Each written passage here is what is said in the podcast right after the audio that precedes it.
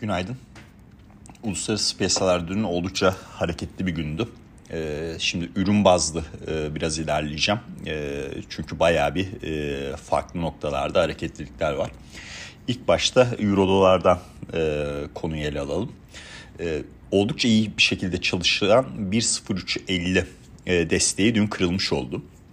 Bunun nedenlerine geçecek olursak e, işte Avrupa doğalgaz fiyatlarının yükselmesi. E, ya bunun da nedeni e, bence çok hızlı bir şekilde çözülebilecek hatta çözüldü dahi yani bu sabah itibariyle çözüldüğüne dair haberler de var. Norveç'teki enerji sektörü işçilerinin grevi var. İşte malum hayat pahalılığı ile ilgili olarak. Norveç'te Avrupa'nın ikinci en büyük Rusya'dan sonra doğalgaz sağlayıcısı. E, dolayısıyla e, bu grevle ilgili olarak bir fiyat e, yükselişi yaşanmış. Norveç hükümeti de anında zaten e, olaya müdahale etti yani. Oldukça zengin bir ülke biliyorsunuz yani günün sonunda ve Avrupa'daki mevcut e, gaz kıtlığı da düşünüldüğü zaman e, şu anda böyle bir ekstra problemle uğraşmak ne Norveç tarafı ne e, Avrupa tarafı ister. İkinci nokta ama bence daha önemli bu e, tahvil getirileri makasının e, kontrollerine dair Avrupa Merkez Bankası'ndan biliyorsunuz Temmuz ayı toplantısında bir açıklama bekleniyor. E, yani bununla ilgili e, haber akışı da yoğun e, ama yoğundan kasıt şu e, yani ülkelerin finans bakanları ve e, ülke bazlı merkez bankaları e, açıklamalarda bulunuyorlar. Konu, e, işte piyasaya e, bazı sinyaller ver, veriyorlar mı yoksa e, kendi e, vatandaşlarına mı sinyal veriyorlar? Bu işte çok başlılığın, aşırı derecede çok başlılığın biraz bazı problemleri de bu e, günün sonunda. E, dolayısıyla bu mekanizmada eğer bir problem olursa e, Avrupa Merkez Bankası istediği kadar e, hızlı bir şekilde sıkılaşamayabilir. Yani çünkü Alman ekonomisi mesela daha güçlü dayanacak. Ama İtalyan ekonomisi örnek veriyorum. Finansal koşullardaki sıkılaşmalar çok daha kötü etkilenecek ve çok daha fazla e, bir şekilde e, sıkılaşacak.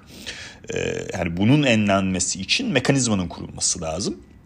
Bu mekanizma ile ilgili problemler eğer varsa enflasyon risklerinin daha çok ortaya çıktığını bir durumda bulunuyoruz Avrupa tarafında. Cümleyi bitirebilmem iyi oldu. Şimdi doğalgaz fiyatlarının artması büyüme tarafı ve resesyon riskleri tarafını orada arttırırken e, enflasyon risklerinin de işte bu e, mekanizmanın soru işaretleri içermesiyle yükseliyor olması özünde stagflasyon riskini arttırıyor. E, bu e, çerçeveden düşünüldüğünde e, 1.0350 desteği dün kırılmış oldu. Ya tabii normal olarak şunu sorabilirsiniz. E, ya Uraz e, işte Avrupa'da stagflasyon e, savaş sonrası hep konuşuluyor. Niye dün e, kırıldı noktasında. E, Valla bunu e, cevaplamak kolay değil e, açıkçası. Hiç kolay değil hatta cevaplayabilmek. E, benim anladığım kadarıyla e, uzun bir süredir e, işte e, Avrupa'daki bu ekonomik büyüme problemleri vardı ama ABD'ye bunun sıçramalarını ekonomik veri olarak görmemiştik. Ekonomik verilerde işte tüketim tarafında özellikle geçen hafta bunu görmeye başladık.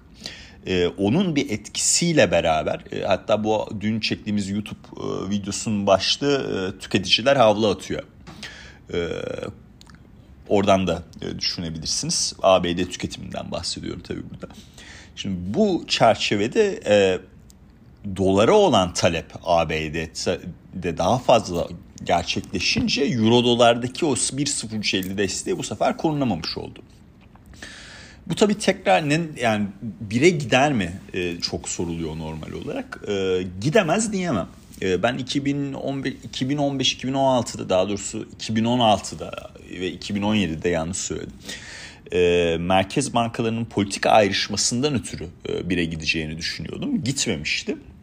E, bu sefer de e, gideceğini açıkçası düşünmüyorum. E, çünkü Avrupa Merkez Bankası'nın acil bir toplantı yapabileceğini düşünüyorum. E, Euro'daki satışlar e, 1.02'yi de aşağı kırarsa 21 Temmuz'u beklemeyecektir. Ve her şeyden önce yani güçlü ekonomiyle, güçlenen bir para birimiyle resesyondan kaçıp veya stagflasyon risklerinin doğduğu bir noktada işte e, resesyondan kaçışla e, talep gören e, dolar arasında bence fark var. E, Euro dolarda da e, gidemez diyemem açıkçası. E, ama Avrupa Merkez Bankası e, nasıl e, geçen e, ay Fed öncesi acil bir toplantı açıkladı. Bu sefer de acil bir toplantı yaparak faiz artışı hemen şak diye gerçekleştirebilir diye düşünüyorum. Ya o toplantıda zaten faiz artışı yapmaması büyük bir hataydı da neyse yani ona da çok fazla girmeyeceğim. İkinci noktaya geçelim petrol fiyatları. E, petrol fiyatlarında uzun zamandır konuşuyoruz zaten. Yani enerji şirketlerinin o sene başından beri yüksek performansı S&P 500'de hala tek artıda olan sektör e, enerji. E, dünkü e, %4'lük enerji sektöründeki satışa rağmen e, hala %28'e yakın e, primli. E, dolayısıyla orada hala aşağı potansiyel var e, satışlar e, konusunda. E, bir süredir konuşuyoruz enerji sektörü şirketleri e, iyi perform etti ve artık hani burada short pozisyon da açılabilir e, elinizde varsa e, satabilirsiniz de vesaire noktasında. Dün sonunda petrol fiyatları çok sert bir şekilde geriledi. Bunda olması lazım. Resesyon riskleri çok ciddi olarak artıyorsa günün sonunda petrolün satış yemesi lazım yani. Bunu da bir süredir konuşuyoruz biliyorsunuz. WTI petrol Mayıs ayından beri ilk defa e, işte 100 doların altına geldi. E, bugün fiyatlamalara baktığımda e, dünkü işte %8 %9'luk satışlara rağmen iyi bir tepki alımı gelmediğini görüyorum. Ben açıkçası 92.60'da WTI'de 200 günlük ortalaması var ve işte bir Fibo seviyesi de 96 e, seviyesinde o banda doğru gideceğini düşünüyorum. 92-60 e, hedefli hala yükselişlerde satış fırsatı e, sunacağını düşünüyorum.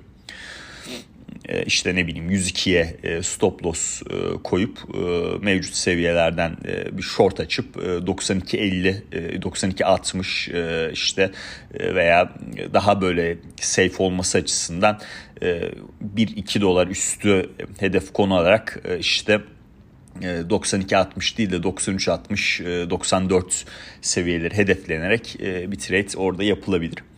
E, daha da önemlisi e, bu enerji yani petroldeki satışlar resesyon riskleriyle gerçekleşecekse gerçekleşiyorsa günün sonunda keza öyle olduğuna inanıyorum. Oradaki resesyon risklerinin artmasıyla yaşanan bir durum olduğuna inanıyorum. Günün sonunda crack spread dediğimiz olay yani ham petrolden benzine geçiş e, marjlarında negatif etkilenmesi gerekiyor. Bu, durum, bu durum enerji şirketleri üzerinde daha çok baskı yapacaktır. Bir de açıkçası Avrupa'da çok fazla şey e, hatta belki ABD'de bile konuşulabilir bu durum. Zannetmiyorum öyle bir şey olacağını ama e, enerji şirketlerine ekstradan vergi getirilmesi de e, konuşuluyor. Bu senenin e, ciddi olarak kazanını oldular. E, hükümetler e, şu anda e, işte e, yükselen enerji maliyetleri dolayısıyla yaşadıkları bütçe e, problemlerinde böyle bir ekstra e, vergiler de e, konuşuyorlar. E, işte İngiltere tarafı bunun örneği ama İngiltere yani MES yani şu anda. Geçen hafta bir Londra'ya gittim. E, ülke paramparça oldu politik sistem olarak enteresandır. E, Boris Johnson'ın e, hem işte finans hem de sağlık bakanının e, ne olduğunu anlamadığım bir şekilde istifa etti. Ee, anladığım kadarıyla Boris Johnson da e, yani başbakanlıktan e, kendi partisi e, çekmek istiyor. Enteresan bir hareketlilik var orada. Pound üzerinde tabii bu baskı oluşturuyor. E neyse konuyu çok dağıtmayayım. E, enerji şirketleri de dedik. E, S&P 500'de e, dün en iyi performans gösteren sektörler e, zorunlu olmayan tüketim, e, iletişim hizmetleri ve teknolojiydi bu üç grup sene başından beri en kötü e, performans gösterendi ve en kötü e, şey dünkü harekette zaten enerji sektörü açık ara en kötü perform eden oldu. Şimdi bu yapıda düşündüğünüzde ben ben açıkçası e, portföylerde switch'in yavaş yavaş başladığını düşünüyorum. e, global piyasalarda e, senenin kazandıranlarını satıp e, oldukça düşenlerini almaya başlıyorlar. Burada işte short enerji, long teknoloji bir süre daha iyi çalışabilecek bir trade olabilir. O tarafa bakabilirsiniz. Yetiştirebilirsem bugün onunla ilgili de bir yazı yazmak istiyorum. Ama yetiştirebilirsem dediğim gibi. Ee, onun dışında e, S&P 500 ya Avrupa'da başlayan satışlarla beraber S&P 500 açılışta e, negatif e, bir noktadaydı. Gün içi yüzde 2.2 kadar e, ge, e, eksiye düştü. Ondan sonra artı kapanış yaptı. Yani o da çok enteresan bir durum. Ee, bu artı kapanışın arkasında dediğim gibi işte o üç tane sektör var. Zorunlu olmayan tüketim. Ee, Tesla ve Amazon yarısını oluşturuyor zaten sektörün. Ee, onun dışında e, iletişim hizmetleri e, biliyorsunuz yani e, anlatmama gerek yok. Facebook'ta yaşanan satışlar, e, işte Snapchat'te yaşanan satışlar bu sene Netflix'te yaşanan satışlar yani gerçekten e, çok enteresan boyutlara ulaşmış noktada. E, dolayısıyla burada artık e, nasıl söyleyeyim bargain hunter'lar e, yani işte e, fırsat peşinde koşanlar bu değerlemeler çok düştü mü deyip e, üzerine atlıyorlar. Yani mesela enteresandır e, Tesla hafta sonu e, ikinci çeyrek araç teslimat rakamlarını açıkladı e, çeyreksel bazda iki seneden beri en e, iki seneden beri ilk defa çeyreksel bazda gerileme kaydediyor. İşte bu Çin dolayısıyla olan şeylerden ötürü e, Covid dolayısıyla kapanma falan. Bu arada Şangay'da gene Covid vakaları artıyor. Yani konudan konuya atlıyorum ama gerçekten haber akışı yani e, fantastik boyutlarda geliyor. E, maalesef orada gene e, kapanma mapanma bir haberler alabiliriz yakında haberiniz olsun yani şimdiden paylaşayım. Vaka sayıları giderek artıyor. Bu sıfır Covid sıfır Covid politikasıyla e, Avrupa'daki savaşın en büyük e, yani bu iki tane değişkenin en büyük ümidim 2023'e sarkmaması. Yani bunu artık 2022 yılının ikinci yarısında bir şekilde çözülmesi. Neyse. Şimdi buradaki işte e, Tesla'da e, ki durumda e, hissenin negatif bir performans yapmasını beklersiniz böyle bir araç e, teslimat e, rakamlarından sonra. Hiç öyle bir şey olmadı artı kapanış yaptı Tesla. Yani çok enteresandır. E, dolayısıyla burada mega sermayeli teknoloji şirketlerde güzel trade fırsatı var gibi duruyor. bunun fonlaması da hala enerji şirketlerini shortlayıp yapılabilir gibi duruyor. bunu düşünebilirsiniz. onun dışında ee, işte e, genel olarak e, daha başka neler var diye düşündüğümde bugün ya ABD'deki ekonomik veriler dün iyiydi bu arada. Fabrika siparişleri iyi geldi. Dayanıklı mal siparişlerinin revizyonu kötü değil. Ee, Avrupa'daki PMI verileri de aslında çok kötü bir e, açıklamada değildi. Revizyonlar öyle çok kötü bir şekilde gerçekleşmedi Haziran ayı için. Bu olay tamamen e, işte e, yeni aya başlangıçla beraber e, e, işte portföy switchleri olur. E, daha işte e, resesyon riskleri bu kadar uzun süredir konuşulmasına rağmen e, petrol fiyatları çok güçlüydü. Orada bir işte e, likidasyon olması olur vesaire vesaire bir, bir e, trade durumları söz konusu. E, bu da enteresan bir e, cümle oldu. Bir trade durumlarının söz konusu. Neyse. E, nasıl trade durumlarının söz konusu olduğunu 14 dakika boyunca da anlattığımı e, düşünüyorum günlük e, bazda düşündüğümüzde. Bugün e, FED tutanakları açıklanacak. Ya benim arayacağım şey çok basit e, arkadaşlar.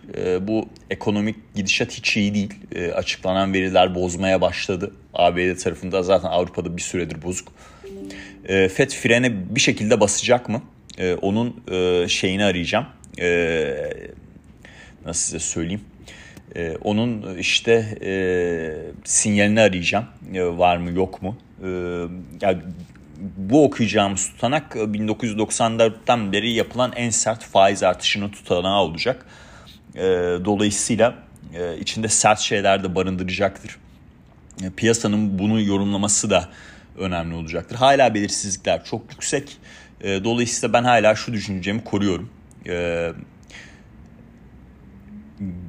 10 yıllık getirilerde yükseliş olduğunda alım fırsatıdır bu vadeli piyasada. Yani sabit getirili kıymetlerde. Dün işte gördük e, tak diye 2.80'e tekrardan geriledi 10 yıllıklar. 2.77'nin de kırılması durumunda işte 2.60 bandına kadar çekebiliriz. vadeli piyasalarda da dediğim gibi 10 yıllık getirilerdeki yükselişte alım fırsatı olarak değerlendirmek hala çok mantıklı benim bence kısa vadeli trade olarak düşündüğünüzde. Onun dışında işte enerji short, teknoloji long kısa vadede yapılabilir. E, altın petrol oranı e, devam edebilir. E, o iyi bir şekilde çalışıyor. Çalışmaya da devam ediyor. Bütün altında sert bir satış oldu normal olarak dolar endeksindeki kazanıma bağlı olarak.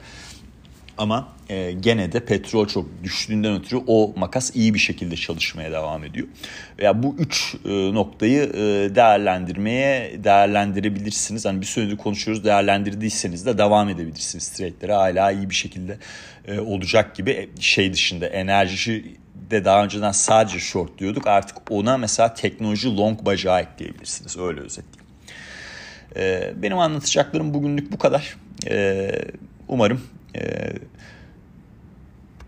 güzel, mutlu, e, keyifli bir gün geçirirsiniz. Herkese de e, iyi seanslar dilerim. Bunu dedikten sonra tabii bir şey unuttum onu da eklemem lazım. Bitcoin tarafı o da merak ediliyor çünkü. Bütün bu çalkantılara rağmen hala 19.500'ün üzerindeyiz. Bu pozitif. Ben dediğim gibi orada 50 günlük ortalama olan 25.500 takip etmeye devam ediyorum. Herkese ikinci defa mutlu bir gün ve iyi bir seans dilerim.